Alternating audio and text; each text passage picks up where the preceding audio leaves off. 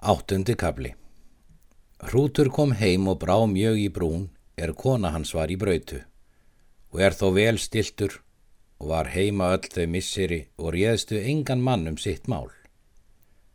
Annað sumar eftir reið hann til alþingis og höskuldur bróður hans með honum og fjölmentum mjög. En er hann kom á þing þá spurði hann hvort mörður gíja væri á þingi. Honu var sagt að hann var þar og ætluðu allir að þeir möndu tala um mál sín en það var þeigi. Eitt hver dag er menn gengu til Lögbergs, nefndi mörður sér votta og lísti fjesök og hendur hrúti um fjemál dóttur sinnar og taldi nýju tígu hundraða fjár. Lísti hann til gjalda og til útgreðslu og let varða þryggja marka útlegð. Hann lísti í fjörðungstóm Þann er sökin átti í að koma að lögum. Lýsti hann löglýsing og í heyranda hljóði að lögbergi. En er hann hafði þetta mælt svaraði hrútur.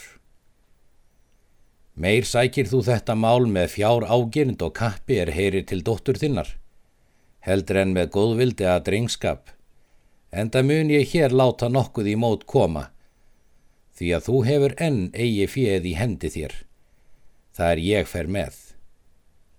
Mæl ég svo fyrir að þeir séu allir heyrandi vottarir hjá er að lögbergi, að ég skora þér á hólm.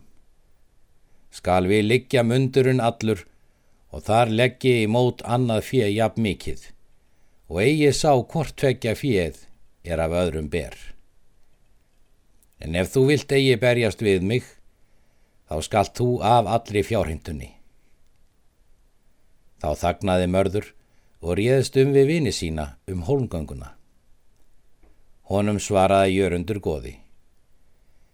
Egi þarf þú við oss ráðað eigum þetta mál, því að þú veist ef þú berstu hrút, að þú mönd láta bæði lífið og fjöð. Er honum vel farið, hann er mikill af sjálfum sér og manna fræknastur. Þá hvað mörður það upp að hann myndi eigi berjast við hrút. Þá varð óp mikið að lögbergi og óljóð og hafði mörður af hinn að mestu svífyrðu. Síðan ríða menn heim af þingi. Þeirri bræður riðu vestur til Reykjardals, höskuldur og hrútur og gistaða lundi. Þar bjóð þjóstólfur sonur Bjarnar Gullbera.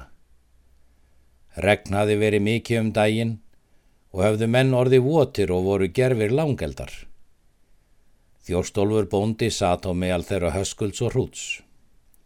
Sveinar tveir lék á golfinu. Þeir voru veistlusveinar þjórstóls og lék mærein hjá þeim.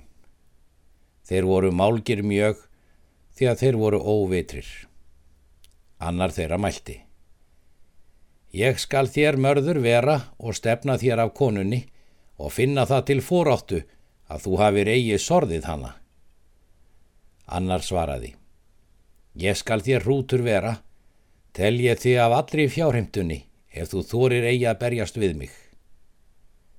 Þetta mæltu þeir nokkur um sinnum. Þá gerðist látur mikill af heimamönnum. Þá reytist höskuldur og laust sveini með sprota, þann er mörður nefndist. En sprotin kom í andlitið og sprakk fyrir. Höskuldur mælti við sveinin. Verð úti og draga engan spottað oss. Hrútur mælti. Gakk hinga til mín. Sveitnin gerði svo. Hrútur dró fingurgull af hendi sér og gaf honum og mælti. Far í braut og leita á engan mann síðan. Sveitnin fór í braut og mælti.